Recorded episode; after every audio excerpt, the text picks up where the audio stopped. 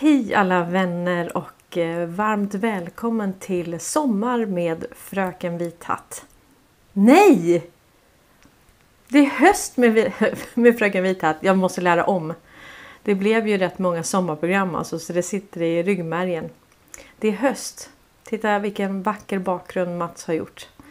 Helt fantastiskt. Och eh, jag hade abstinens igår. Det blev ju ingen live igår och det är första gången på typ eh, 60 dagar, något sånt nästan. 63 dagar kanske, något sånt. Ja, en dag var ju 17 augusti, då var jag borta. Men eh, annars så har det varit varje, varje dag. Och eh, äh, det var så tomt igår. Verkligen. Och det är, det är galet. Det är ett informationskrig hörni. Och eh, det dras eh, från alla håll. Och jag ska försöka beröra några utav de sakerna idag. Eh, det grävs även från utlandet ska jag tala om. Och eh, när det gäller Celeluna Celluluna heter det va? Och Eva så hänger de ju mycket på olika sådana space på Twitter. Det är typ sådana chattrum kan man säga. Där man kan prata och USA är ju extremt, extremt, extremt duktiga på de här chatt... Det är ju många, många tusen och de varar i så här sju timmar liksom. Och alla bara pratar. Det är någonting vi verkligen kan lära oss från eh, amerikanerna. Det är att, att prata och lyssna och eh, ventilera idéer. Helt fantastiskt. Och eh, nu har de grävt lite på, på Ericsson och ISO 2022. Eh, och skriver inte med ah, Ericsson, är ju kom, Ericsson är ju kompatibelt med det. Ja, men alltså. Jag ska försöka och ni får jättegärna. Det är en vad sa du, australiensisk researcher som gräver på detta. Och det är jättebra. Jag ska se om jag kan få fram tråden. Jag har översatt några delar av det. Eh, och eh, nu ska vi se hur du skickade till mig här.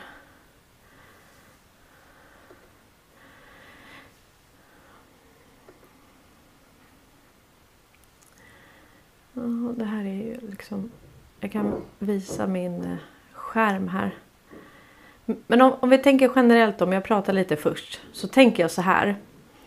Att de som har kontrollerat telekominfrastrukturen och betalningsinfrastrukturen. Det är ju Wallenberg.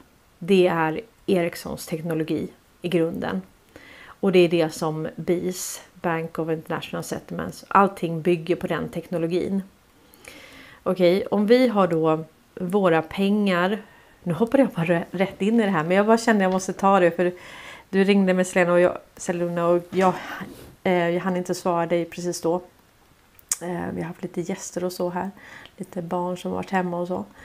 Men eh, om vi säger då att vi eh, vi tittar här på den här tråden då. Hallå! Så, då ska vi se. Eh, det här är alltså en tråd. Jag kan retweeta den. Den är jätte, jättelång. Men den talar om eh, hur ja, hur Ericsson är kompatibel med ISO 2022. Eh, och massa andra saker. Såklart Ericssons roll på Hawaii, det är självklart. Ericsson och Fima har eh, partners ihop med 5G och så. Så är det ju. Och eh, jag tänker ändå så här att eh, det är som det här eh, Ah, jag ska berätta hur jag tänker.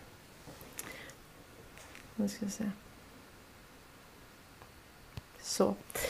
Um, det hänger sig lite här, jag vet inte varför. Det var någon uppdatering jag gjorde. Men jag tänker så här att hela den här betalningsinfrastrukturen som vi har med BIS på toppen, Bank of International Settlements. Vi har alla centralbanker, riksbanker i de olika länderna. Jag tror att det finns 209 stycken. De har ju Q, eh, diktat upp och sagt att Rothschild är, äger dem. Och eh, det må vara så. Men det är inte Rothschild som... Eh, alltså Rothschild är helt beroende av BIS och telekominfrastrukturen. Det finns inte en chans att riksbankerna kan ha ens en affär. De kan inte ha någonting att göra. De kan inte, ha, de kan inte vara i business om de inte har en telekominfrastruktur. Så att om vi säger då att eh, dina och mina pengar är på bankkonton så här och vi ska då föra in dem i ett nytt finansiellt system. Så har vi sagt det att när man kopplar på ISO 2022 så går det rätt, så då skickar man ut sin, sin kundstock. Jag tror att det är så. Att man skickar ut den ut i ett kvantumbaserat blockchain finansiellt system. Det bygger på blockchain. Okej, okay, så att för att kunna göra det, för att kunna skicka ut kunderna Eh, till det här decentraliserade systemet som vi kommer få. Där Sverige också är med. Det, det här är ju BRICS, QFS, vad de nu vill kalla det i slutändan. Det här är ju såklart att om de hade sagt precis så här ska vi göra och när. Då hade ju folk, folk hade ju fått panik. Och bara tänkt sig jag kommer förlora alla pengar och så. Så att det måste ske. Det, det måste ske på ett väldigt mjukt sätt. Och sen hade ju många fått, fått panik då eh, för tekniken. Och vissa har skrivit till mig, men tänk de som inte kan tekniken. Ja, men det är ju många som inte kan tekniken idag. Och går till bankerna och får hjälp med bank-id och så vidare. Det är ju det, är det mesta de gör nu. Det är ju sådana tekniska saker. Det är inte liksom själva överföringarna. Eh, så att jag tänker att den här för att den här, alltså de måste vara kompatibla. För att kunna skicka ut kunderna, för att konvertera det här i ett nytt system. Så måste bankerna, alla de här måste prata samma språk. ISO 2022 är ju bara ett, ett samstämmigt språk som gör att de kan kommunicera med varandra. Jag har berättat det, jag jobbade på Folksam och jag tror vi hade 200 IT-system som inte kunde kommunicera med varandra. Och det är inte särskilt bra. Då har du vissa kunder vars uppgifter är i ett system och sen har du Ja, jag vet inte om de har rättat till det nu, men ja, det var rätt många år sedan jag jobbade. Men då förhöll det sig på det viset. Och det, det finns många sådana gamla system ute som inte, det går inte att uppdatera dem mer helt enkelt. Och eh, till slut så, så är de inte kompatibla överhuvudtaget. Så att jag tror, eh, men det är väldigt intressant att den här australiensiska eh, Danubushka. Det är väldigt, väldigt intressant att han har liksom hittat de här grejerna och kommit fram till det och han hänvisar också till The Ericsson Report. Så att nu pratar vi Australien här. Alltså man har verkligen kommit på det här från många, många delar av världen nu. Det är både USA, Australien här då och eh, man har kommit på vilken väsentlig roll men jag tror inte man ska fästa så mycket vikt utan förstår man hur själva systemet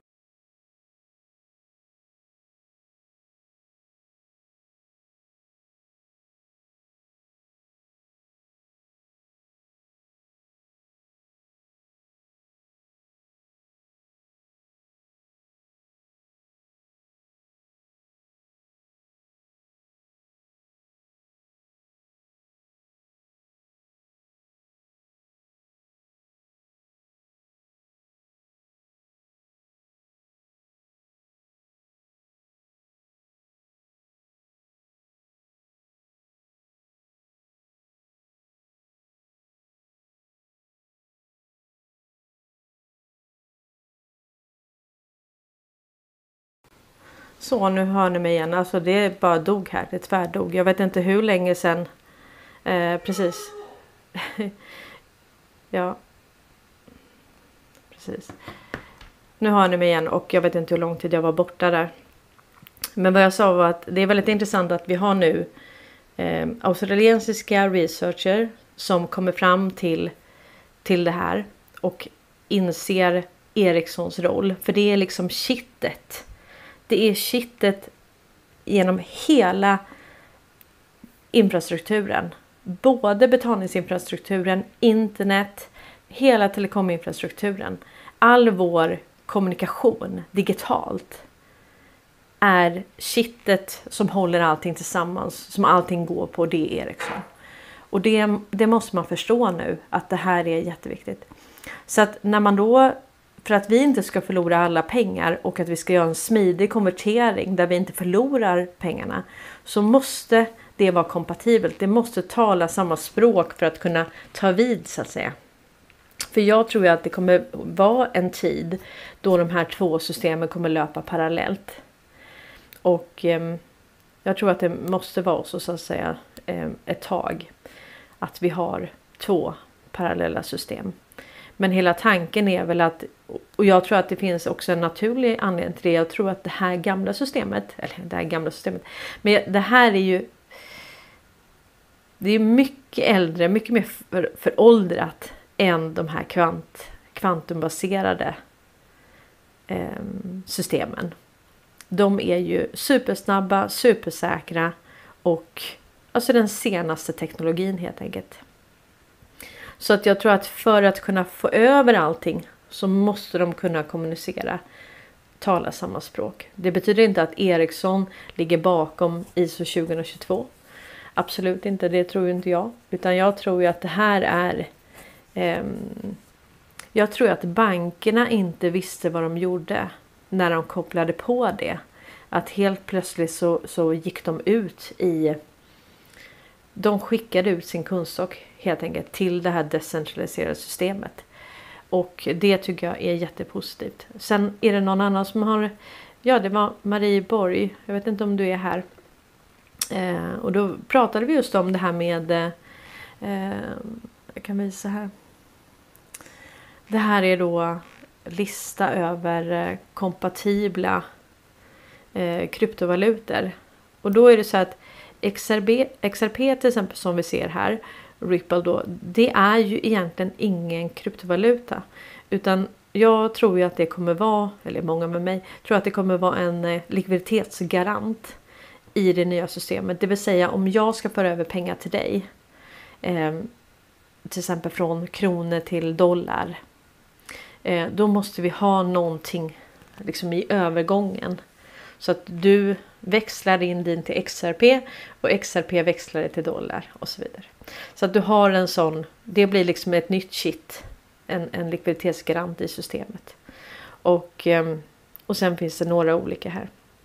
Men jag tror inte att alla kommer behöva lära sig eh, krypto utan jag tror att det kommer bli precis eh, lika smidigt som idag. Man går in ja, på sin mobil eller på, på datorn på sin bank. Ehm, jag tror inte att det här eh, eh, och det är det som är så genialiskt att jag tror verkligen att de har gjort det helt kompatibelt. Så att eh, och sen när det här är klart då, har ju, då fyller inte bankerna någon funktion. De behövs inte. Men om 90% av deras ärenden är att hjälpa folk med bank-id. Det är liksom, det, de har inget existensberättigande. Däremot så kan ju vissa som vanligt då behöva hjälp på olika sätt med tekniken. Eh. Uh -huh. Nu ringer någon mig här. Ni hör mig va? Eh, den korsar mellan system XRP, precis. Nanana skriver det. Eh.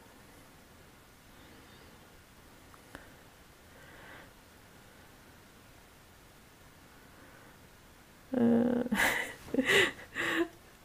Anne Antonen skriver att de, vissa kollar på hur de jagar en boll. Jag kan säga att jag har en sambo som sitter och... Han skrek precis, jag tror att det blev mål, jag vet inte. Eh, så, så är det. Eh, nu ska vi se. Ja, så jag tror ju att vi kommer kunna ha säg typ kommunkontor. Alltså där vi hjälper och jag tror att vi kommer kunna hjälpa varandra väldigt mycket. Jag menar jag skulle kunna hjälpa någon med BankID. Alltså jag kan gå, logga in. Om de är med så kan jag hjälpa dem att logga in. Jag kan kolla vilka certifikat som är giltiga. Jag kan ta bort de certifikat som inte ska användas. Och jag kan liksom ta ut ett nytt certifikat. Det kan, det kan i stort sett alla göra. Det är väldigt, väldigt lätt att lära sig. Så det behöver vi absolut inte ha en bank som skär emellan, som skapar betalningsmedlet ur luft och blåser folk. För, för det är det, alltså hur kan, hur kan vi tillåta?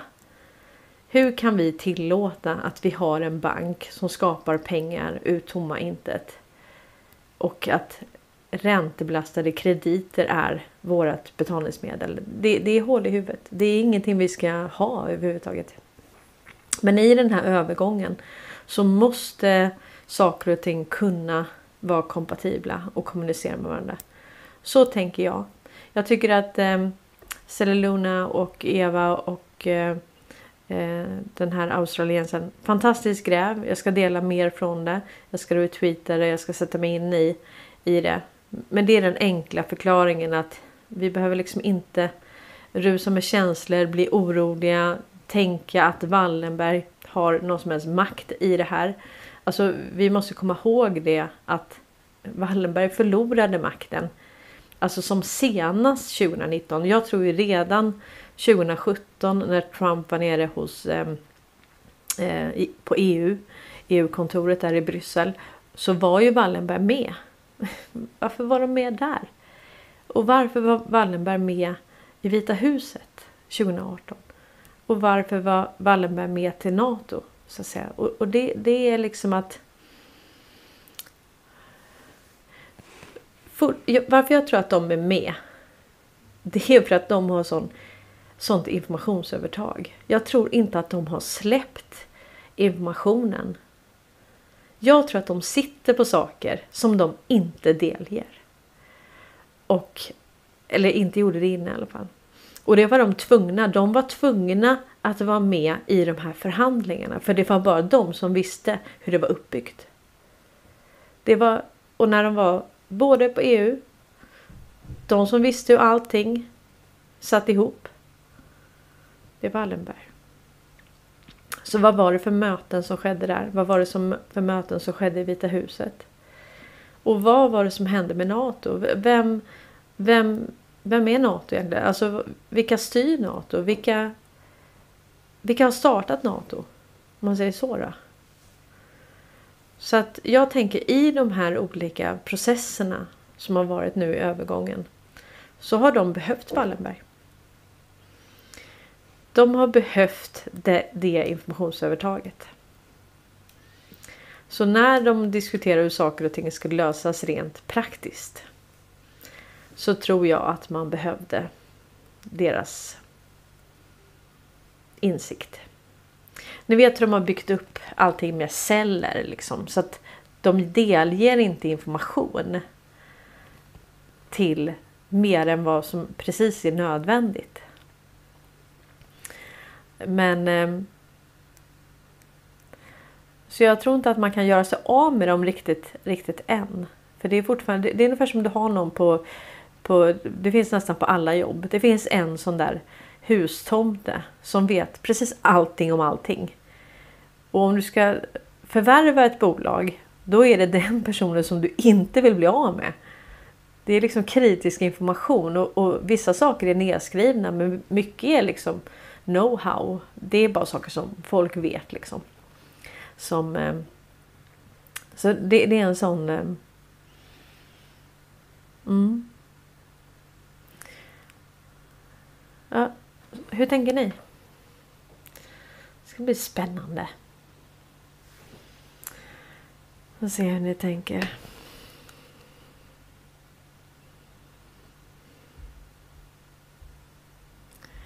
Eh, Anders Eurén skriver nästan alla forskningsmedel på universiteten kommer från Knut och Alice Wallenbergs stiftelse. Ja precis. Det är Eva Larsson skriver dags att ändra Wallenbergs signum till synes, synas utan att verka. Precis, jag har sagt det. Synas att... Eh, nej. Ja, vad har jag sagt? Synas utan att kunna verka. Jag tror jag har sagt så. Något sånt. Mm. När Anna skriver, vill jag skicka till, till någon XRP så tar det typ två sekunder. Och XRP kostar idag eh, 0,50. Cirka 5 kronor. Är det euro eller dollar va? Eh, transaktionen kostar 0,001 cent. Så jag kan skicka, vill jag skicka pengar till någon med XRP så är 100 dollar. Eh, säg 100 dollar så är det 200 XRP. Ja precis. Eh. Erik Hesse skriver Anders Aurén, så det är därmed eh, att forskningen har varit helt styrd av Wallenberg. Ja men precis. Alltså det har inte gått att få några pengar om man inte har spelat efter eh, deras eh, pipa. Så att eh, tänk nu att White Hats förvärvade ett bolag. Vi, vi säger hela den här infrastrukturen som ett bolag. Och du har hustomtarna som har allt know-how. Det är Wallenberg. Det är väldigt dumt. att plocka väck dem.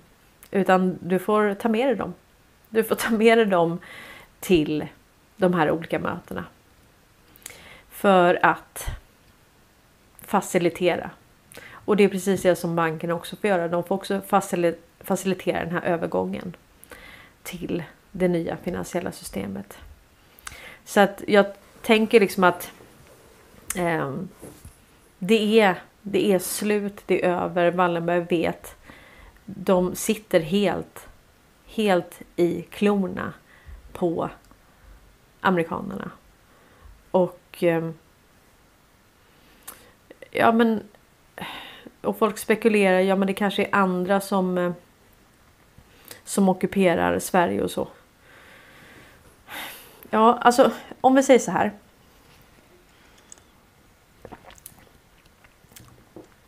Jag är rätt säker på att det är USA och jag ska förklara varför.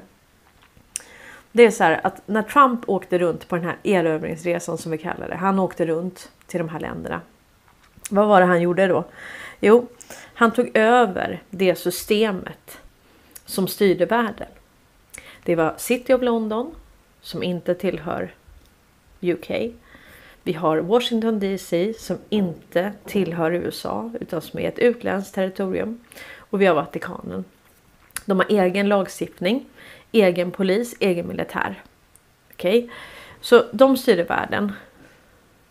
På, och de hade sina olika delar i det här systemet. Alltså kittet är fortfarande Wallenberg, men de hade en, en setup. Och det var setupen. Okej, okay, så att Eh, Washington DC var vita handen, det var den militära styrkan. Och sen hade vi då skuggbanksystemet och eh, hela det finansiella i City of London. Och sen har vi då Vatikanen med eh, ja, både det religiösa men sen har de ju haft en enorm bank. Vi hörde ju på Dr. Eh, John Halper Hayes att det var, vad var det, 650 flyg, flygturer med det här guldet då eh, som fanns där. Och man, har tömt, man tömde ut där helt.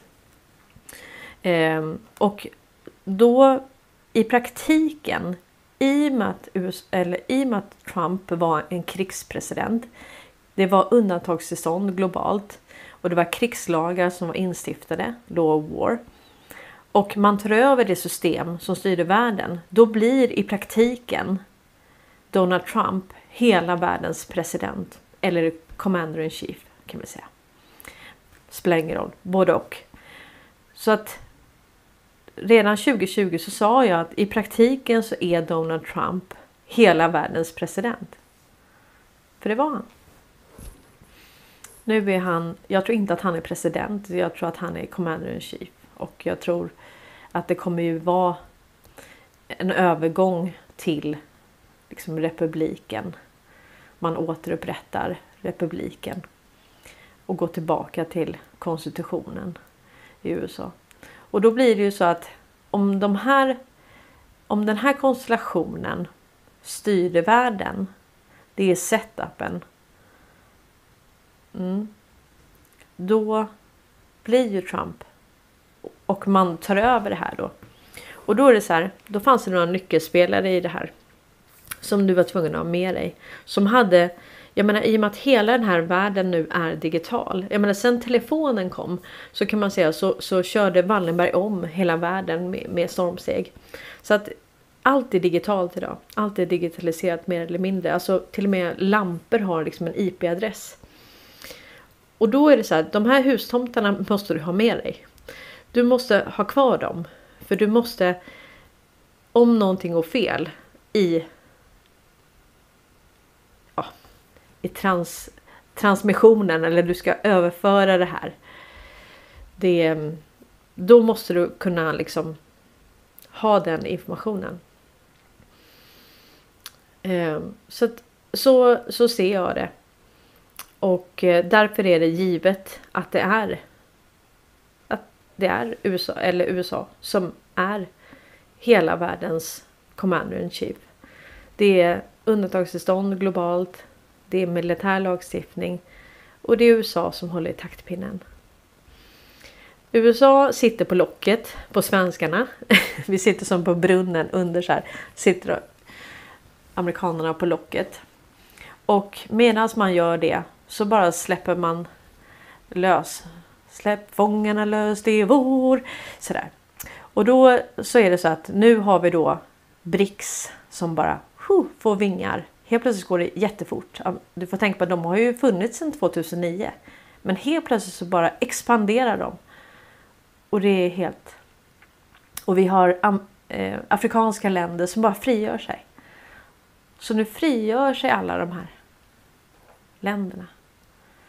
Och USA, dollarn och eh, företaget korporation, eh, korporationen USA är i konkurs. Alltså hela världen är i konkurs. Alla de här EU, alla de här är i konkurs. Redan. Så att eh, om man säger Kina och Ryssland men de har inte haft någonting att säga till om. De har också behövt den här telekominfrastrukturen. De har också behövt det här banksystemet. Och varför kan nu Ryssland koppla bort sig från Swift? Ja, men det är ju för att någon har möjliggjort det. Innan gick det inte. För det fanns några som hela tiden hade, de satt på nycklarna. Satt på nycklarna till, till hela den här strukturen. Och därför har vi Eh, till exempel, jag ska visa några saker här. Eh, det här är Urban Medin. Eh, som skriver så här då. Eh, vi har alla, det är nog en direktöversättning, jag vet inte vad det betyder men. McGregor om hur USA stryper sig själv och Europa. BRICS kommer förstöra dollarn och Europa har tröttnat på att vara cash cow för NATO som alla försöker befria någon även om ingen behöver hjälp. Liknande teser uttrycktes av tidigare Pentagon-rådgivaren Douglas McGregor i en intervju med Steven Gardner. Enligt den tidigare rådgivaren uppträdde USA och EU mot en kris som, som i en omfattning, det, här är, det är svårt att läsa när det är sån direktöversättning, som i omfatt, omfattning är jämförbar med den stora depressionen 1929. Eller ännu värre. Amerikanerna måste vakna upp och inse att hela detta tvåpartisystem bara är en illusion. De är alla där för en. Ja. Alltså summan av kardemumman är det här att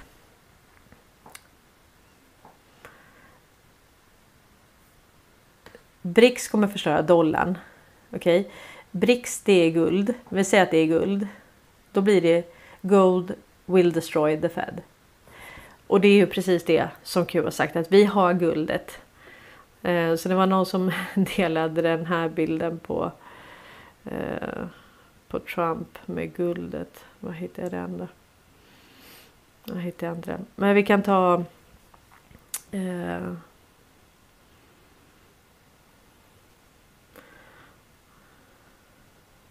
Ja och sen i det här då. Jag får hitta den sen. I det här då så har ju till exempel det här. Nu har ju då folk åkt dit. Men, men om, vi, om vi tittar på det här då.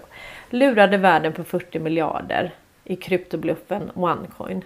Okej, men vad, vad är sannolikheten att han får göra det om det inte är sanktionerat av de som har hand om telekominfrastrukturen? Det är helt omöjligt. Det är helt, helt, helt omöjligt. Han levde lyxliv och tjänade 200 miljoner i månaden på att sälja en kryptobluff. Härvan kring OneCoin är en av världens största. Och eh, han har då suttit nu i, eh, ja, frihetsberövad i eh, ehm, han har suttit häktad. Han greps i Thailand 2018 och sen har han suttit häktad i det ökända eh, Metropolitan Correctional Center i New York. Förra året erkände han sin roll i pyramidupplägget som var OneCoin och nu kan domen vara nära förestående. Ja men precis. Och det här är, det är liksom inte, det går inte ens att tro att du kan få lura världen på 40 miljarder. Det går inte. Det är precis som att det inte går och liksom alla de här stora knarkbeslagen. Du kan inte smuggla så mycket knark. Tonnevis med knark. Utan att någon får reda på det. Jag menar du kanske måste skriva det någonstans. Och om du skriver, det är bara att titta nu på, eh, på det som händer med ICA-handlarna här. Mm.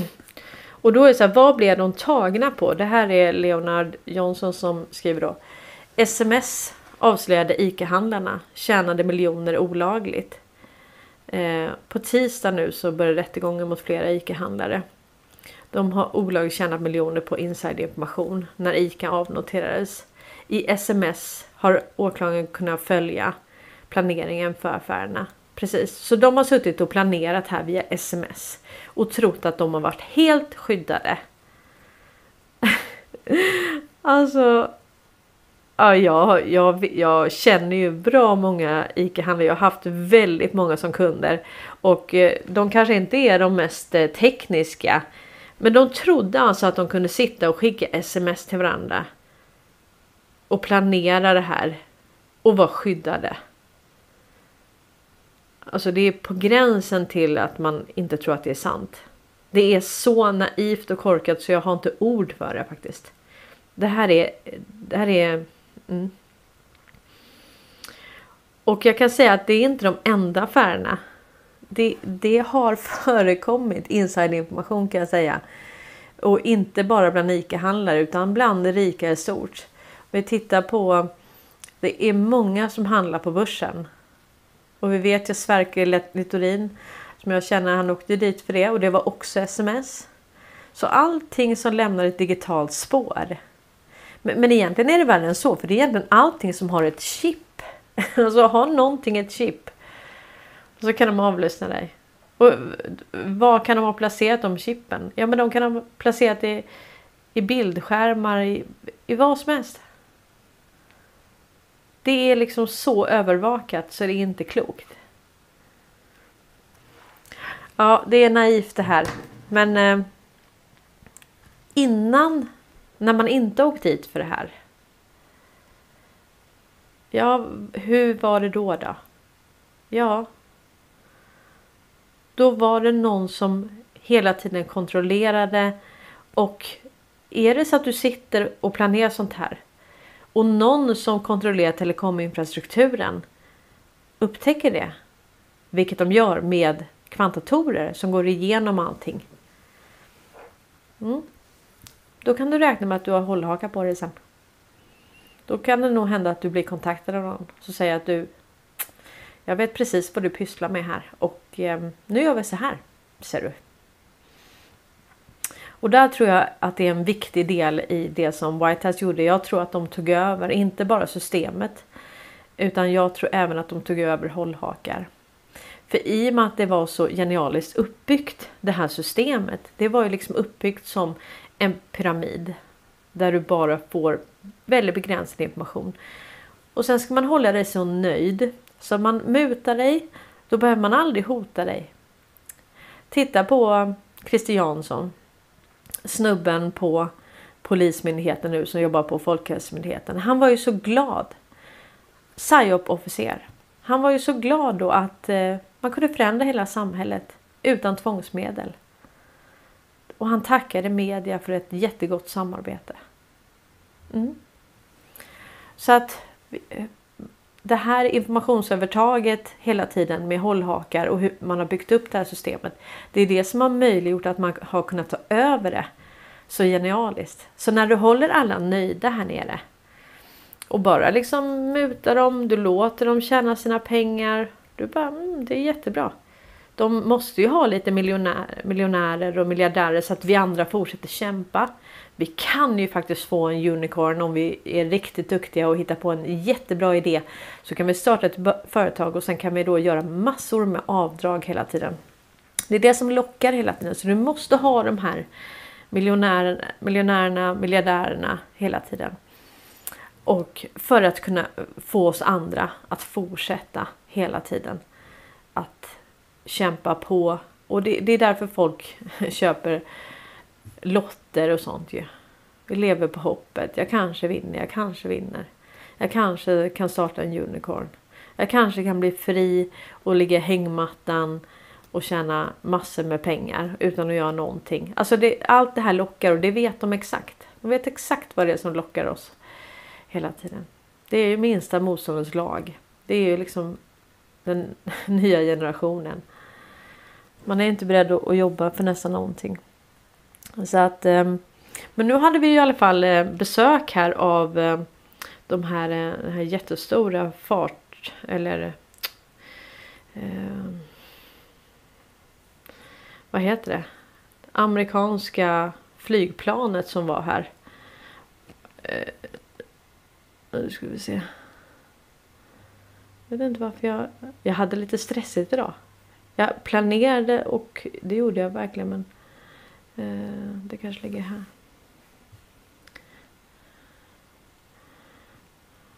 Ja. Jag hade inte lagt över den så. Det här gick ju ut då och stod i alla eh, ja, på alla nyheter stod det här egentligen. Och då är det några av er som har grävt lite om det här flygplanet då. Eh, och eh, det är... Jag hade en bild också. Då skriver jo, eh, Joakim Ek så här. Lockheed C5 Galaxy är ett tungt transportflygplan som används av Air Mobility Command i USA USAs flygvapen för att transportera material och per personal för USAs försvarsdepartement. Max lastkapacitet är 132 ton. Runt 1500 pax exempelvis. Ja, så att det... Och det roliga var att eh, här skrev de då allt möjligt. Aftonbladet skrev att det var ett mystiskt, mystiskt flygplan. Och, ehm, och de skrev också att de vet inte varför. Eh, varför de kom hit. Så att ehm, det, vi får hoppas att de kör lite vänder här. Jag kan, jag kan tänka mig att det finns eh, om man tänker då, nu var det här Malmö, det är rätt intressant. Men om man tänker då i Sverige, man kan ju tänka sig att det finns rätt mycket eh, patent och saker som man behöver köra iväg och förhoppningsvis behöver man köra iväg lite, lite personer också. Så att eh, det... Och jag tror så här att när vi förstår vidden av den här militära stingoperationen. När vi förstår vad de liksom var up against, alltså vad var det här för entitet. Alltså vi, vi vet ju lite. Vi vet ju att Wallenberg till exempel har ju då stått åtalad för anstiftan till världskrig. Vi vet att de har åkt dit för eh, att ha mutat Isis. Och vi vet att de kontrollerar hela internet och darknet. Vi vet att alla de här hela planeringen av eh, kokain och, och liksom sälja droger, sälja människor, sälja organ, allt det de har sysslat med har ju de möjliggjort och tillåtit ske. Och det här var nog mycket, mycket djupare faktiskt än, eh, än vad man, de kunde tro. Faktiskt. Och eh, nu vet inte jag om det här händer precis just nu. Men vi brukar ju titta då på, okej, okay, vad är det som händer nu i... vad är det som händer i Sverige när vi har militären på besök? Och det här tycker jag var lite intressant med den här spionhärvan. Eh, I... Eh, spionhärva i Finland Finlands företag användes för att leverera förbjuden teknologi till Ryssland. Ja men det är ju svenskt. Det är ju självklart. Finland är ett viktigt, viktigt transitland för Ryssland när det gäller att skaffa förbjuden teknologi enligt myndigheter i USA. Det kommer fram i förundersökningen till ett spionerianfall. En man som åtalas för spioneri i Sverige använde sig av finländska företag för att leverera produkter till Ryssland. Men det var ju för att komma runt de här sanktionerna då. Eftersom att produkterna omfattas av restriktioner och exportförbud har Ryssland inte haft någon möjlighet att skaffa dem på laglig väg. Enligt handlingarna har ett finländskt företag i elbranschen haft en nyckelroll som mellanhand. Svenska myndigheter uppger att det ryska underrättelsetjänsten GRU sannolikt fungerat som mannens uppdragsgivare. Så det här är... Och vi vet ju att Wallenberg, de åkte ju liksom... De åkte ju fram och tillbaka till eh, Kina under pandemin för att hämta hem utrustning. Och vi vet att när det gäller Ukraina så tog man hem både labbutrustning och eh, forskare. Så att det, det här är... Mm. Men nu åker de dit alltså. Ser ni det? Nu åker de dit en efter en. Så här har det inte alltid varit.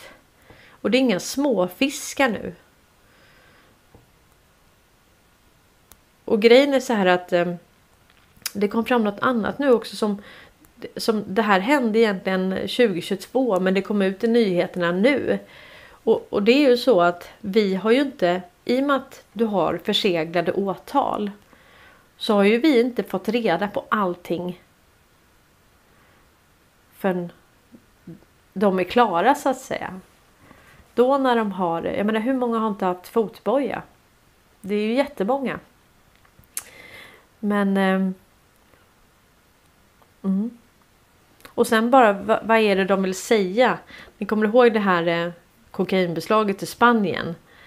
Som hade liksom regeringskansliets eh, logotyp på sig. Det här ska nu, det här ska till och med en svensk förstå nu. När det här står i DN så finns det ett signalvärde. Det gör det. Och jag ska läsa en liten text för att Tatjana eh, skrev en liten text här. Ska vi se. Jag vet inte om Tatjana är här nu men.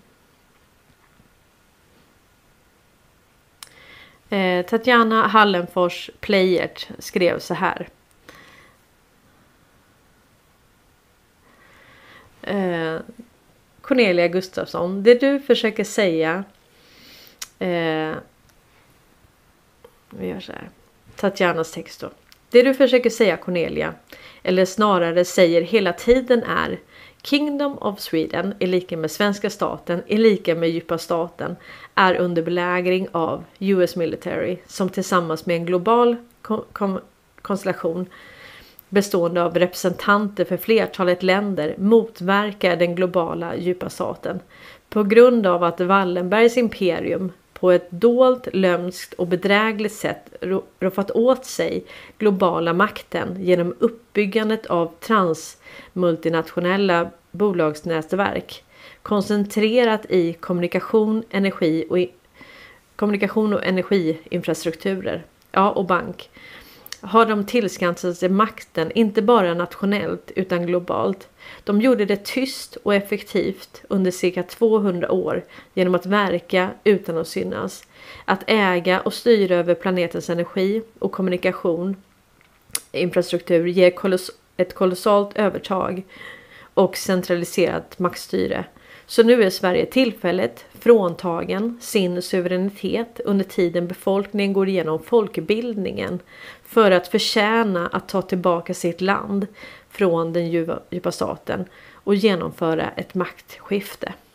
Från bolagiserad stat med institutionaliserad korruption till sann demokrati. Rätta mig om jag tolkar ditt budskap fel.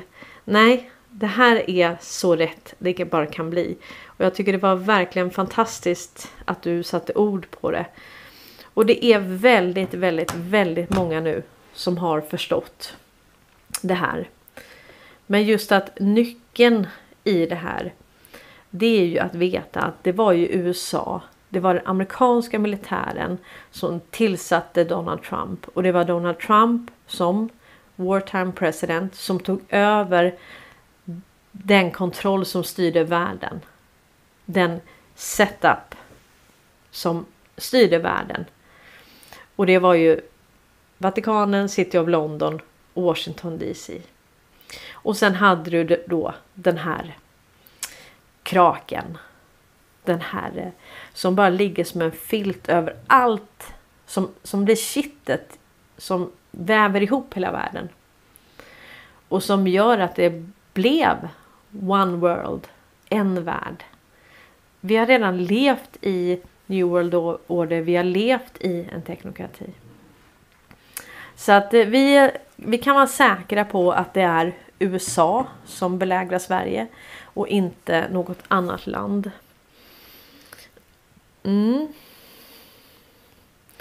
Vad ska vi ta nu? Jag tänker så här, det finns en... Eh, vi har ingen tidsbegränsning idag utan vi kör på lite. Och det här är en medborgarjournalist i USA. Eh, som... Eh, mm, han... Eh, nu ska jag bara hitta det.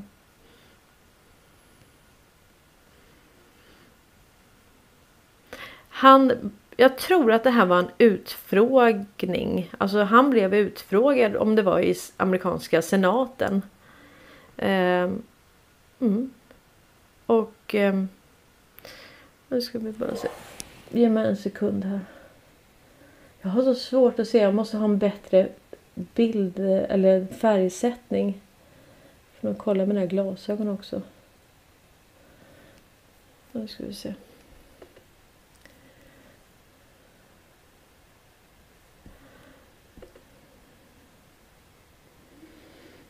Mm. Det är så när man har alldeles för mycket på sitt skrivbord. Hur mår ni där ute? Det är söndag. Ja, suverän Tatjana. Nu uppmuntrar ni varandra. Ni är så goa. Mm.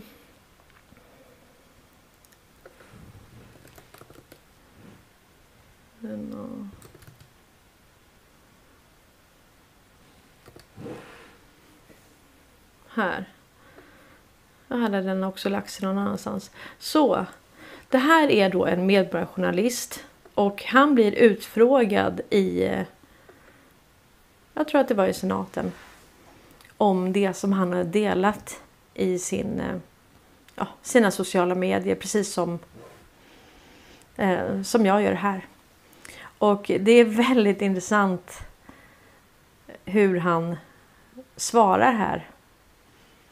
Tänk om vi också råkar ut för det här.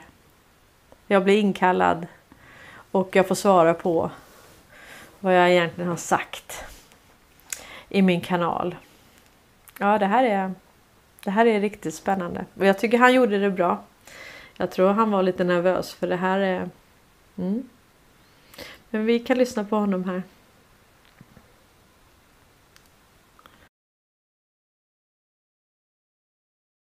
Hillary Clinton's execution. It, it sounds like you were there at the military tribunal. Were, were you there? No. Okay, what's your source of information that Hillary was executed as you described here on video to your followers? First and foremost, a journalist can't disclose his, his sources by law, so I'm not going to burn a source. I believe your client has actually invoked that privilege as well, if I'm not mistaken. I'm an investigative journalist and I am protected by the First Amendment to not reveal my source, number one. Number two, this exact story is widely reported across many different outlets across the world. Where did you None. get it from? I From- just told you. From who? Uh, Can you name a source? Any No, source? Not going to name my you- sources. Absolutely not. you said it was- will put me out of business. It was widely reported where? across many different media outlets across the world. Can you name some of them? No, I can't. I don't have the list here in my in my head. I didn't know you were going to ask me, but you're free to research it yourself. Well, your source uh, for Hillary Clinton's execution. Um,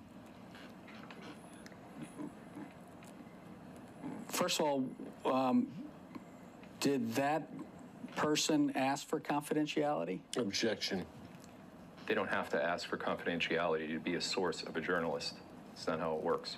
Okay, And yes, they did. okay. Did you have don't just have to. one source for this information or Objection. multiple sources? I don't know if I had one source for this particular piece of information. I have multiple sources that give me information that are very close to the actual events that I talk about occurring.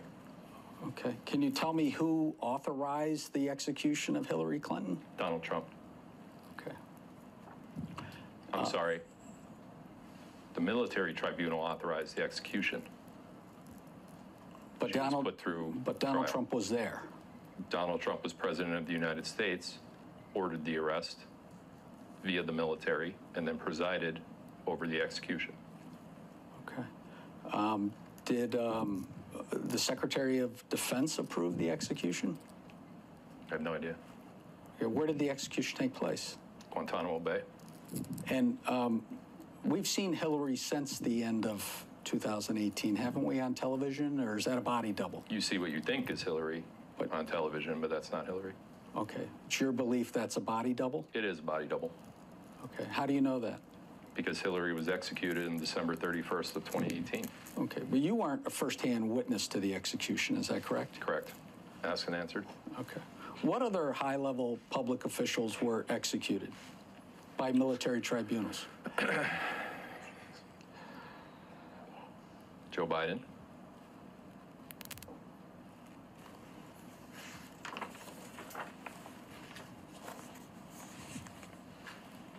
He was, uh, I think you, you've broadcast that he was executed for crimes against humanity in 2019, yes, and the Joe Biden that was elected president in November of 2020 is really a body double?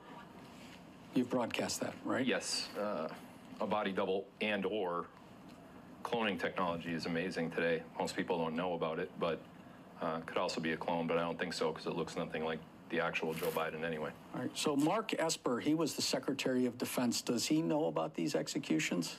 Mark Esper turned out to be a um, cabal deep state plant, and uh, Mark Esper is a traitor, in my opinion. Okay. Should be executed? No, I didn't say that. I thought you said earlier traitors should be executed. He wasn't put through trial, and he wasn't indicted, as far as I'm aware, unless it's still sealed uh, for anything. If he does get found guilty of a crime of treason, sedition, or crimes against humanity, those particular offenses call for the death penalty, which I support in those cases. Was, um, uh, was Anthony Fauci executed? I have conflicting information on that. Okay. Have you reported that he will be arrested and tried by a military tribunal? Yes, And um, if found guilty, he'll then be executed? I, I'm not the one that controls that, but if he's found guilty of a crime of treason, sedition, or crimes against humanity, those particular crimes, if found guilty, carry the sentence of a death penalty. Did you report on social media that Governor of California Gavin Newsom was arrested and executed? I believe I reported that Gavin Newsom killed himself, Okay. And who's standing in for Gavin Newsom now? Body double or a clone. or a clone? Did you report on social media that the COVID vaccines were developed by Big Pharma to control the minds and actions of humans by way of the 5G networks operated by the phone companies? I believe that I had discussed that particular topic on my live streams. I don't, in the way that you're phrasing it, did I report on it? In my mind, you're making it seem like I gave that information, but I believe I was corroborating with other truther or citizen journalists, whatever you call us, uh, on that particular set of intel. But Did you report that the COVID vaccine is about the cabal controlling the minds and actions of humans? I most likely have said those words, yes. Did you report on social media that there's really a second secret constitution of the United States? Yes. And did you report that the Supreme Court of the United States has already rendered a decision overturning the 2020 election? Yes.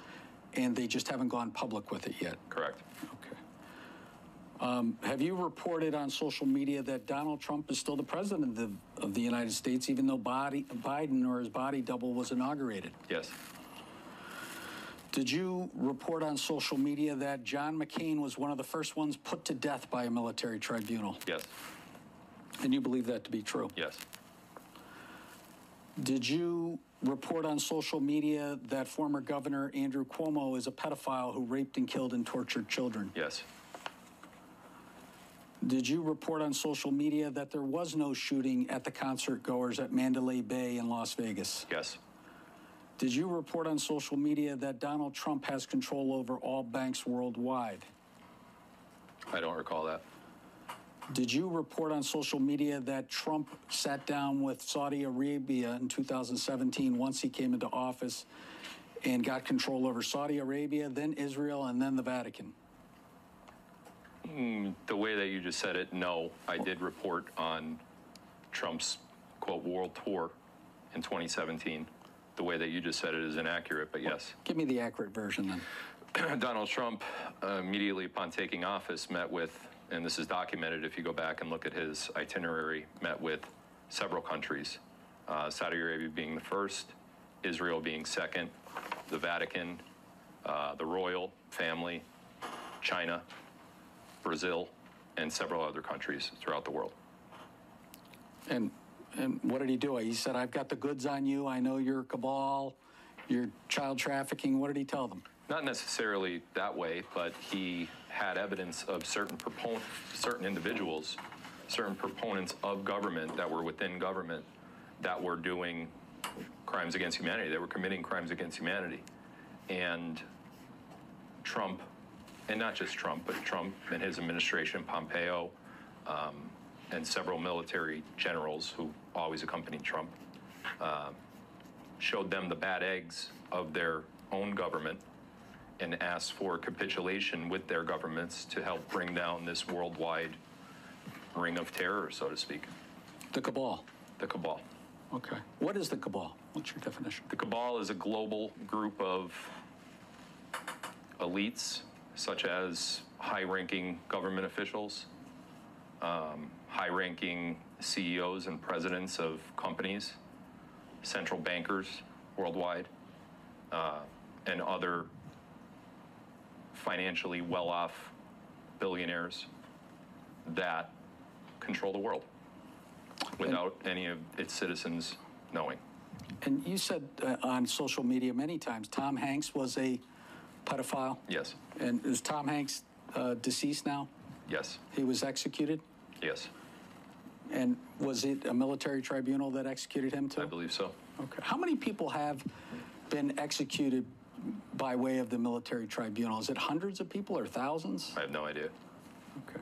Did you report on social media that the District of Columbia has been under martial law for several months and the Patriots blew up the tunnels underneath the District of Columbia, which were used for child trafficking? Yes, And you believe that to be true, correct? absolutely.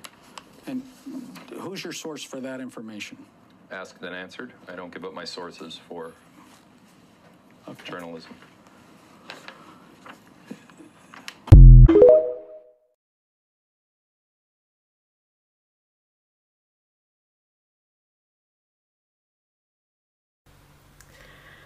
Ja, visst är det häftigt. Eh, Margareta Wass skrev att det där var Phil Godlewski. Eh, jättebra. Nu ska vi se.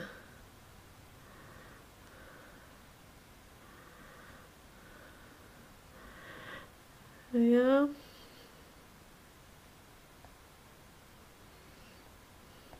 Och sen skriver Margareta att det är ingen tillfällighet att han sitter där och vittnar. Nej, det här är riktigt intressant faktiskt att han... Men, men tänk, tänk hörni. Det kan hända oss också att vi får... Eh, vi får komma in och vittna om allt vi, vad vi har sagt. Och då vill det till att man vet vad man har sagt. Och att det man har sagt är sant. Utifrån vår egen insikt. Och eh, jag kan säga jag skulle gärna vittna. Jag står till 150 000 procent för det jag har sagt. Och det är min fulla övertygelse om att det jag säger här att det förhåller sig på precis det viset. Jag tror att Sverige är under belägring av den amerikanska militären. Och det är för de brott som svenska staten har begått tillsammans med de här företagsintressena. Ja. Jag tänkte jag ska visa en grej. Det här är lite häftigt. Man behöver inte ha något ljud på den här. Men här är lite om. Eh, eh det här är ett spanskt konto. Och det är med de här maskerna. Alltså hur fantastiskt. Eh, vilken teknik det finns idag. För att göra såna här eh, masker. Och eh, mm.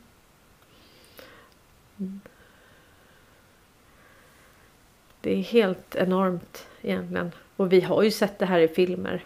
Vi vet ju att, jag menar, tänk dig bara den kompetensen som Hollywood har. Alltså de har ju verkligen kompetensen. Och sen har vi ju sett, det kommer här också, Joe Biden. Vi har sett flera utav dem som uppträder på tv med, med såna här masker då.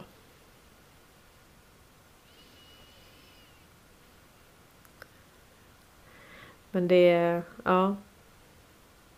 Och sen har vi då AI. Det behöver inte ens ha hänt så att säga. Utan du kan göra hur mycket som helst med deepfake och AI. Så att det är... Mm. Vi vet ju inte om det vi ser är sant. Det är det som är grejen. ja, vi har ju sett såna där bilder på Joe Biden när han... Eh, mm. Det är en film vi tittar på hörni. Det är rätt häftigt att... Eh... Men tänk de som inte förstår överhuvudtaget att de har blivit lurade. Utan de, de känner inte till det här med vad du kan göra med masker, vad du kan göra med deepfake, vad du kan göra med AI. Men de behöver inte ens ha kloner längre. Alltså innan hade du alltid en dubbelgångare. Och när vi pratar om Prigozjin, eh, den här Wagnerledaren och så. Så är det, han har väl dött typ tre gånger innan. Som de har sagt att han har dött och sen. Så att. Eh, jag tror ju ändå att han inte har riktigt spelat ut sin roll. Ehm, utan att han är viktig för Afrika nu. I den här frigörelsen. Och. Eh, apropå det så såg vi i, i Niger här så då var det ju tusentals som hade protesterat då nära en fransk militärbas i, eh, i Niger. Och det är ju så här, de ska ju bara ut nu. De har ju fått 30 dagar på sig. Nu vet man ju inte ens om den här bilden är från Niger. Ingen aning. Men eh, det ska i alla fall vara protester och de vill ju ha ut fransmännen nu. Och det är likadant i, i alla de här det var någon som skrev att det var väl sju, sju afrikanska länder nu som har militär, eh, militärt styre. Där de har tagit över. Och eh, eh Urban Menin skriver då att det här är från Lomovka. Han delar mycket från sån utländsk. Och eh, Ilskan mot det koloniala Frankrike i Afrika sprider sig som dominobrickor. De styrande, den styrande administrationen i Gabon har lagts till de störtande provfranska regeringarna i Väst och Centralafrika. Enligt publikationen tog en grupp militärer som tillkännagav valfusk makten i landet. Antalet statskupp på kontinenten har nått åtta de senaste åren Författarna till artikeln påpekar att Gabon är rikt på uran, olja, naturgas såväl som diamanter, guld, timmer och järn. Dessutom tar västerländska företag de flesta av resurserna för sig själva. Alltså de snor dem. Det är troligt att situationen kommer förändras med, tillkomst, med tillkomsten med en ny regering i landet. Många länder börjar inse hur ruttet västerländsk demokrati är Som bara visste hur man skulle ta och inte ge någonting i gengäld. Nu kastar de av sig beroendets mångåriga bojor. Och det är ju så, vi har ju pratat om det många gånger att alltså vad är det här med demokrati egentligen? Om det, om det är demokrati vi har haft, om det vi har haft är folkstyre, då är det ingenting som vi vill fortsätta ha. Så att alla de här kan stå och prata om demokrati, men vi vill inte ens ha demokrati. För om det är demokrati de säger att vi har haft. Ja. Och det är det de här afrikanska länderna säger också, att vi, vi vill inte ha demokrati. Alltså ni kan, ni kan ta det.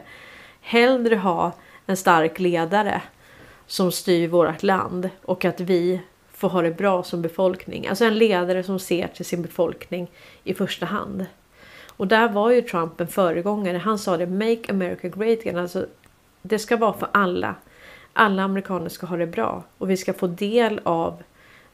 Jag menar, det är ju helt hål i huvudet att du har så mycket rikedomar i ett land och befolkningen är urfattig för att du har västerländska företagsintressen som har rätt att komma och ta saker ur, ur jorden, ur marken i de här länderna. Det, det är helt, helt galet.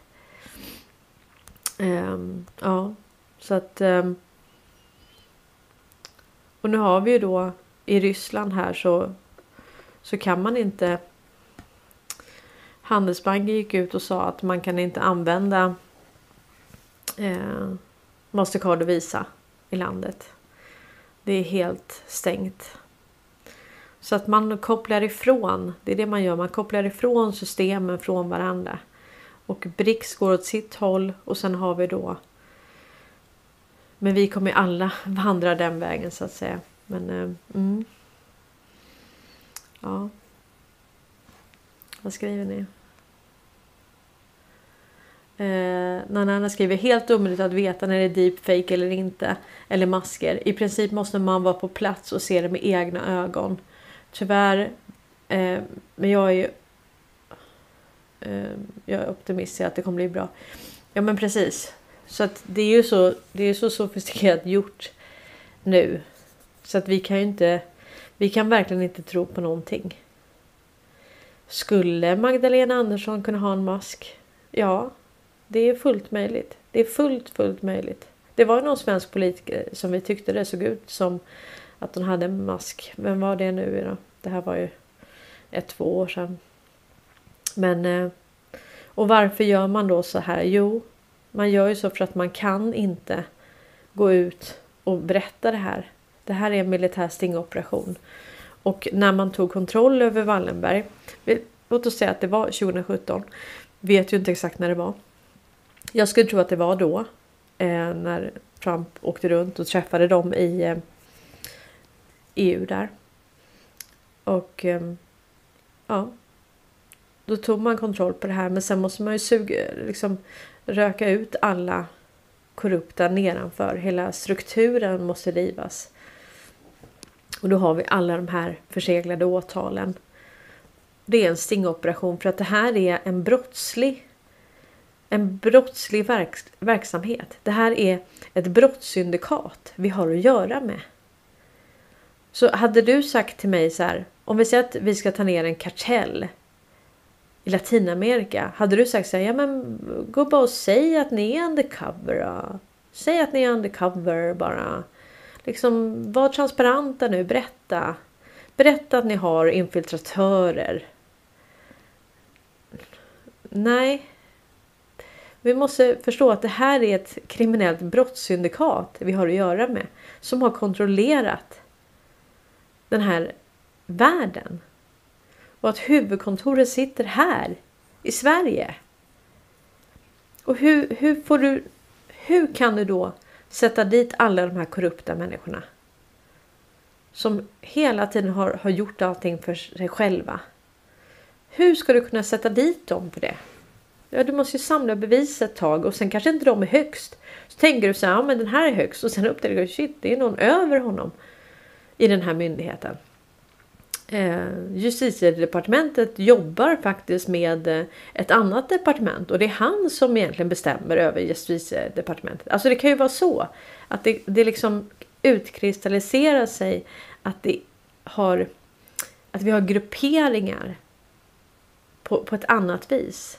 Inte bara utifrån utan också internt i de här eh, organisationerna. Men, men det här är alltså det är, det är organiserad brottslighet vi pratar om. Och när vi förstår att det här är organiserad brottslighet då förstår vi också att de har, de har planerat länge. Alltså om du har ett brottssyndikat, det är klart att de har ju, de har ju liksom flyktvägar och allting klart för sig.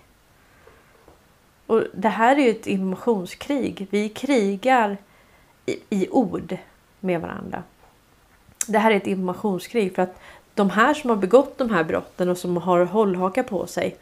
De vill ju inte att det ska komma ut. Och det kanske inte bara är för sig själv men de kanske har barn och allting. De vill inte att det ska komma ut. Och de kämpar för sitt liv för de vet att åker de dit för det de har gjort så, så åker de dit. Det är dödsstraff enligt amerikansk militär krigslagstiftning. Det är dödsstraff. Så de vet att åker jag dit så är det dödsstraff. Då är det tack och adjö. Och därför har de ett litet incitament att kämpa för att inte all information ska komma ut. Och de vill inte vara transparenta. Absolut inte. Det tror jag inte. Jag har jättesvårt att tro det. Nu hörni, hittar jag den här bilden. Eh, det här är ju lite eh, lite roligt. Och det var ju Ja, det var ju någon Anon som frågade på 4chan eller 8chan om, om, eh, om de hade guldet. Do we have the gold Q? Och då så skrev Q att ja, vi har guldet. Och eh, som jag förstår så hittar man ju väldigt mycket guld i Vatikanen. Och sen hittar man extremt mycket guld. Man hittade allt guld i stort sett från 9-11 i Indien när Trump var där 2020. Och då var det väl så. Hur många gånger kunde Indien? Alltså det var så mycket mer guld som inte var USAs så jag tror Indien kunde fylla på sina reserver. Nu var det så länge sedan jag pratade om det här. Men de kunde väl fylla upp sina reserver, guldreserver fem gånger tror jag med det guldet de hittade då. Och då var Trump i, eh, i Indien. Så det är väldigt intressant. Och sen säger Q att, Q att guldet kommer förstöra will destroy the Fed, alltså hela det här finansiella systemet. Så att det är, det är spännande hörni.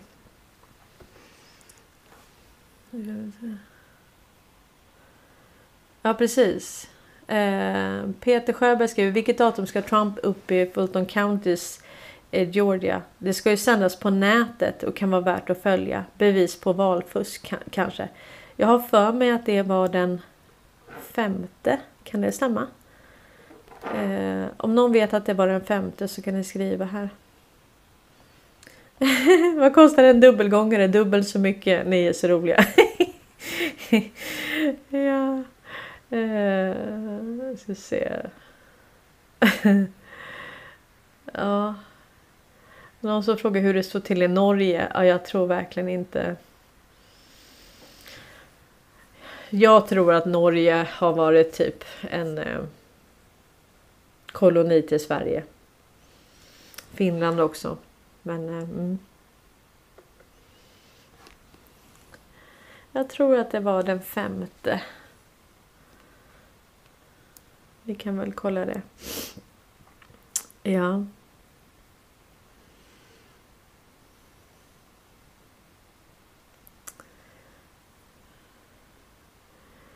Ja, sen har vi ju den här och jag blir så illa berörd alltså.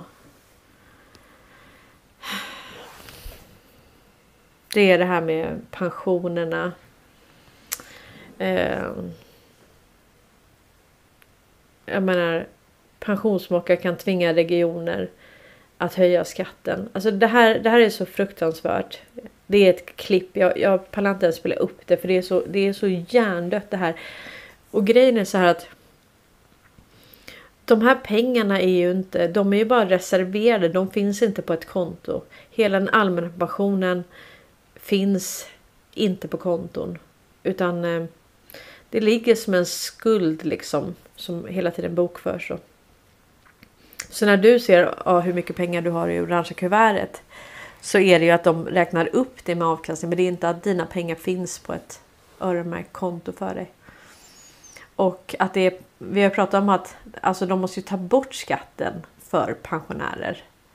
Nej, nu ska man höja skatten på typ inga pengar alls. Alltså pensionärer får verkligen inga pengar alls. Alltså inte i allmän pension. Det är, det är så dåligt, det är så dåligt. Alltså de flesta får nog snittet i Skåne för några år sedan var ju 12 100 före skatt. 12 100 före skatt. Ja, men de tar ju tillbaka då 30 procent. Mm. Så att du, du får inte ens ut det. Det är det du får ut minus 30 procent. Och är det så att du får andra inkomster, till exempel tjänstepension, då går du över brytpunkten. Då får du betala både liksom kommunalskatt, statlig skatt och den här värnskatten.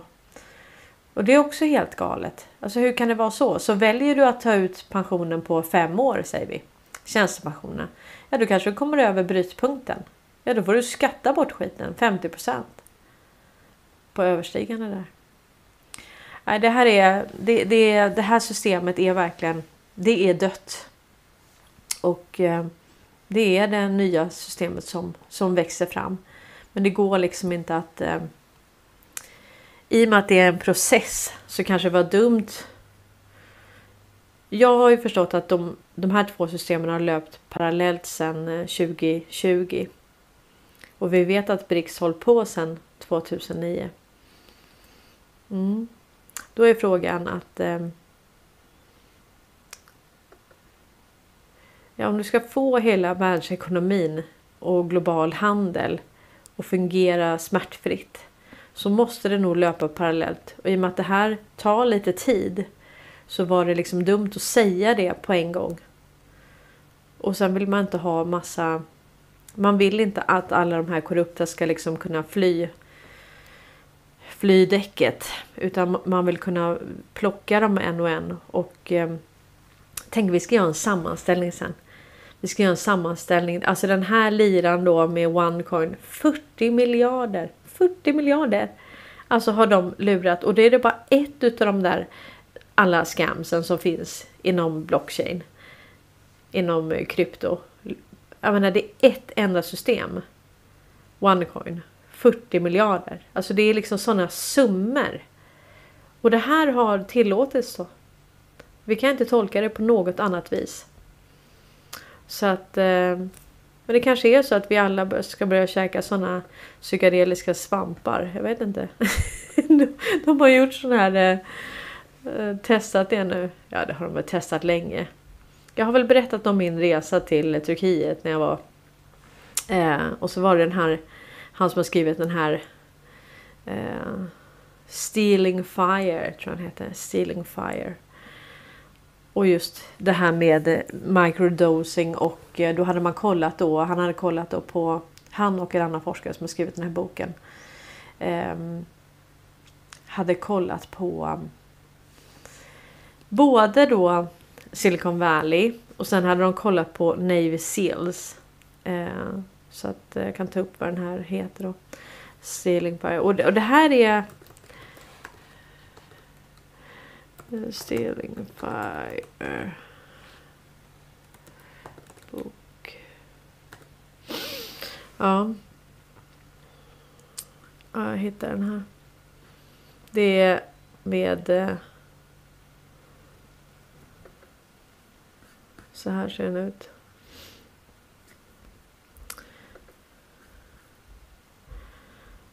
Så den var, den var rätt intressant ändå. Uh -huh. um.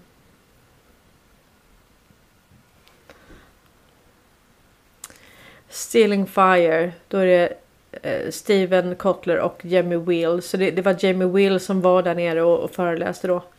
Nu, jag promotar inte den här boken. Jag bara tycker det var väldigt intressant för de kollade då på hur mikrodosering påverkar eh, både då Eh, de som jobbar inom tech i, i eh, Silicon Valley och sen kollar de på Navy Seals. Och det var ju helt fantastiska resultat. Det, de blev mycket mer kreativa, de kunde tänka och eh, Jag tror så här att eh, Eh, en sak som verkligen hämmar oss från att verkligen kunna tänka utanför boxen. Det tror jag är fruktan. Alltså vi vågar inte tänka hur det skulle kunna bli. Alltså jag har ju försökt vända och vrida på mitt huvud och tänka att men okej, vad kommer vara konkurrenskraftigt i det nya systemet? Varför? Vad är det som är problemet här? Vad, vad är felet? Vad, vad, är det som vi går igenom här egentligen? Och det har varit så svårt att bara liksom tänka. För vi tänker alltid, eller jag tänker när jag tänker samhället och, och ekonomin och eh, hur man har gjort upp med arbetsdelning och alla de här privata företagen som konkurrerar. Så tänker vi att det är så här det ska vara. Och sen tänker vi att men jag har ju en liten smula här, den vill jag ju inte bli av med.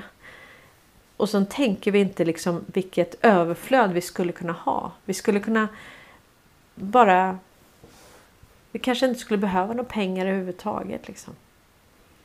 Tänk om vi kunde komma på något annat. Jag menar, om vi säger att alla bara kan äta sig mätta och det finns pengar i överflöd.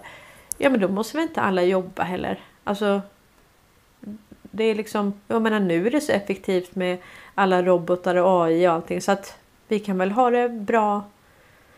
Så problemet är att några har roffat hela tiden.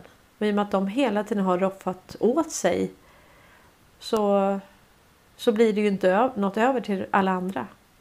Det blir ju inte så. Eh, precis. Kaj skriver att systemet bygger på fruktan. Ja, precis. Det, det, är det som är att i och med att de hela tiden håller oss i fruktan och vi hela tiden vi är så rädda att bli utkastade för vi vet att det här, det här systemet kan bara kasta oss ut på gatan. Det är liksom jag menar, hur många miljarder var det nu som, som företagen har i uppskjutna skatter? De här kommer ju aldrig kunna betalas utan direkt de går, då går de direkt till Kronofogden och sen åker de i konkurs liksom. Eh, och då har ju de eh, skapat arbetstillfällen. Och då försvinner de arbetstillfällena. Så att det är liksom den makten de har att bara skicka folk till, eh, så fort det är skatteskulder liksom.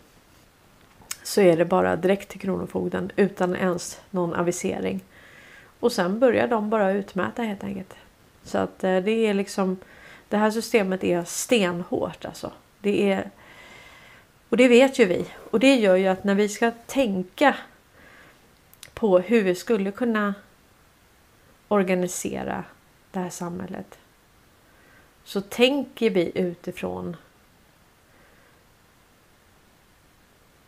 Alltså nu kanske inte alla gör det men, men jag har verkligen fått lägga band på mig för att inte tänka utifrån det som redan finns. Utan bara tänka helt nytt. Och det är därför jag tror att det här måste bara falla. Det måste verkligen bara falla. Så att vi ska kunna bygga någonting nytt. Uh, ja.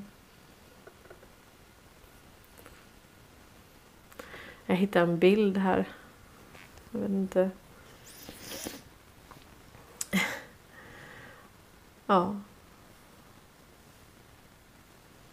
Det här är då skrivet 43 år 43 efter Kristus. Nej, before Christ, före Kristus. Um, så här, den fattige arbetar och arbetar. Den rika utnyttjar den fattiga Soldaten beskyddar båda. Tack, eller skattebetalaren betalar för alla de här. The poor, the rich, the soldier. the banker. Banken. Han rånar alla fyra. och sen är, har vi då lawyer, mislead all five. Advokaten, han missleder alla fem. Och det är ju det jag menar nu att nu, nu har det här nästan bytts ut. Nu är det inte bara lawyers utan nu har du kommunikatörer. Det är de som förvränger alla ord och, och missleder och som har misslett oss. Det är därför vi inte har vetat om allting för vi har blivit missledda av sådana kommunikatörer som sitter och bara förvränger och ljuger. Och sen har vi eh, doktorn då. Han eh, fakturerar all, alla sex. Eh, och sen har vi The Goons. Vad är det då? Han eh, skrämmer skiten ur alla, alla sju. Och sen har vi politikern. Lives happily on account of all eight. Ja. Och det är... Det är så. Alltså det här systemet det är... Mm. Och sen är det vissa som säger så här, ja ah, men vadå, det har ju alltid varit så här. Och då, då är det liksom att, då ska vi ge upp då. då. Liksom, nu har vi nu har vi en konstellation som utmanar det här med BRICS. Jag menar om alla de här 23 länderna som ansöker blir antagna så står de för mer än 77 procent av jordens BNP. Så nu har vi utmanarna här. Och, och det hade inte kunnat skett innan utan det sker, det sker nu för att man sitter på locket på de som har haft nycklarna till det här systemet, vilket är Wallenberg. Det är jag helt övertygad om att det är. Och sen tror vissa att det är massa rymdödlor och så över och så. Och det, det kanske det är. Vi får se en dag om det är det. Men jag väljer att hålla mig till det jag kan bevisa i sak. Och vi kan se och bevisa i sak Wallenbergs system. Så att... Eh, ja. Det är rätt otroligt alltså att vi, att vi får leva i den här tiden och att, att den här tiden nu... Mm. Jag lyssnade på um, Vi bara undrar och Tarot. Det var ett tag sedan jag lyssnade på dem. Och det var rätt kul. För att eh, då pratade de om eh, Ja, de pratade om allt möjligt. De sista två avsnitten var ju faktiskt jättespännande. Jag tycker ni ska gå in och lyssna på dem. De de är så härliga alltså. Vi bara undrar heter de på, på Rumble. Vi bara undrar och tarot. Jag är inte inne på tarot och så, men jag tycker de är så fantastiska. Eh, men då pratar de i alla fall om hur det har förändrats, hur vi har förändrats. För då var det något eh, på, på tv om, eh, ja de hade, fick ta chips och doppa varandra i någon dippa liksom. Eh, och det där, är inte, det där är inte ens kul, det är bara osmakligt. Och där ser man på att, och nu lägger man ner då flera program också. Vad var det? Talang och, Let's Dance eller vad det var. Det var några program som man lade ner i alla fall. Och det är ju, det är ju rätt intressant att det som har gått tidigare i form av bröd och skådespel. Det funkar inte längre. Vi accepterar inte det längre. Vi tycker inte att det är kul. Alltså, vi har verkligen höjt vårt medvetande. Och vi, vi har helt andra värderingar helt annan värdering än vad, som, vad vi vill ha. De kan inte muta oss längre med ja, men här, gå i ekorrhjulet så får du lite smulor här framme. Nej. Folk bara nej, jag vill ha liksom riktiga relationer, jag vill bo nära naturen, jag vill liksom ha med riktiga människor att göra. Så vi har förändrats. Och då måste de lägga ner de här programmen för det, för det är ingen som vill se dem. Ingen tycker att det är kul.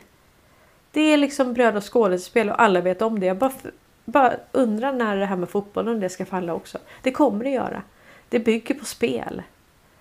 Det bygger, sen kan det vara kul att se några springa runt med fotboll. Det kan jag också tycka är jättekul. Men det här, det här, liksom, det här är ett... Eh, det är en industri. Alltså kolla bara på vad de tjänar, de som spelar fotboll. Liksom. Det är helt sjukt ju. Ja. Så att, eh, ja. Det är helt otroligt. Jag tänkte att eh, nu har vi hållit på en stund. Jag tänkte att vi kan avsluta med eh, en country hit. Och, och, det här. Det här skriver faktiskt till och med Omni om. Eh, och det här är väl beviset egentligen på det som jag har pratat om idag. Lite att, att eh, så har en countrysång om arbetarklass blivit konservativa USAs favorit. Mitt ute i den amerikanska skogen omgiven av hundar står Oliver Anthony och sjunger om rika människor om norr om Richmond. Om hur han har sålt sin själ för en skitlön.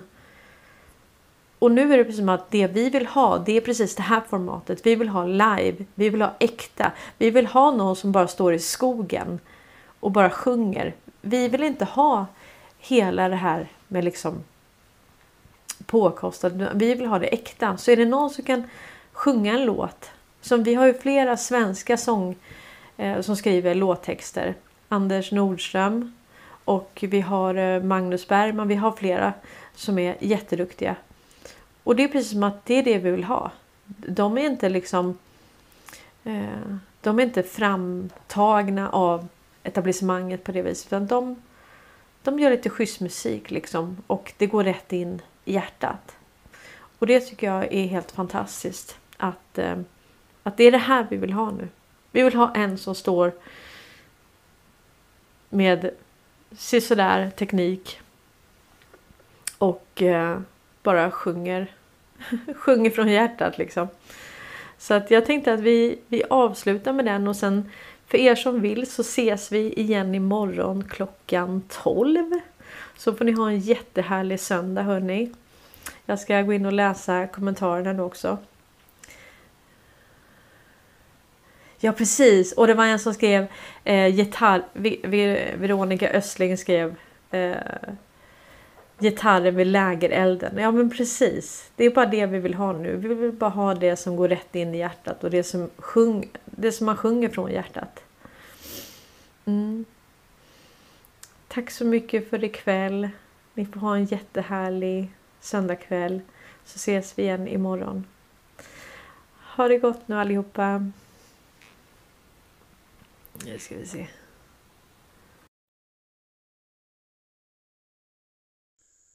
I've been selling my soul, working all day, overtime hours for bullshit pay, so I can sit out here and waste my life away.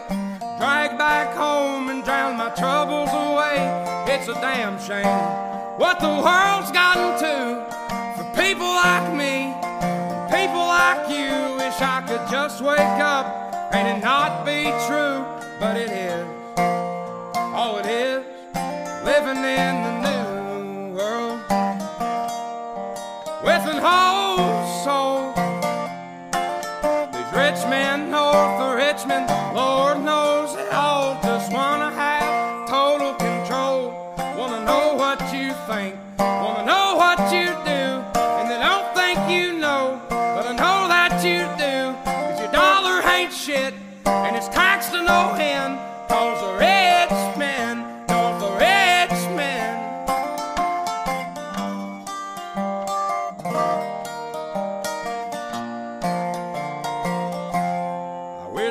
Politicians look out for miners, and not just miners on an island somewhere. Lord, we got folks in the street, ain't got nothing to eat, and the obese milking welfare. Well, God, if you're five foot three and you're 300 pounds, taxes ought not to pay for your bags of fudge rounds.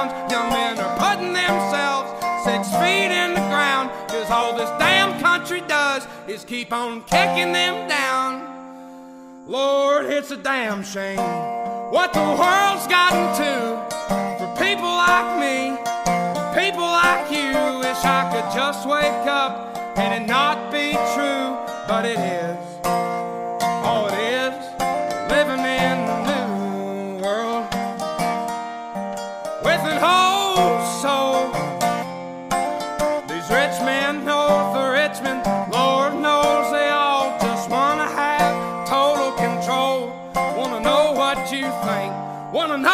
You do, and they don't think you know, but I know that you do. Cause your dollar ain't shit, and it's taxed to no end. Cause the rich men, north of rich men.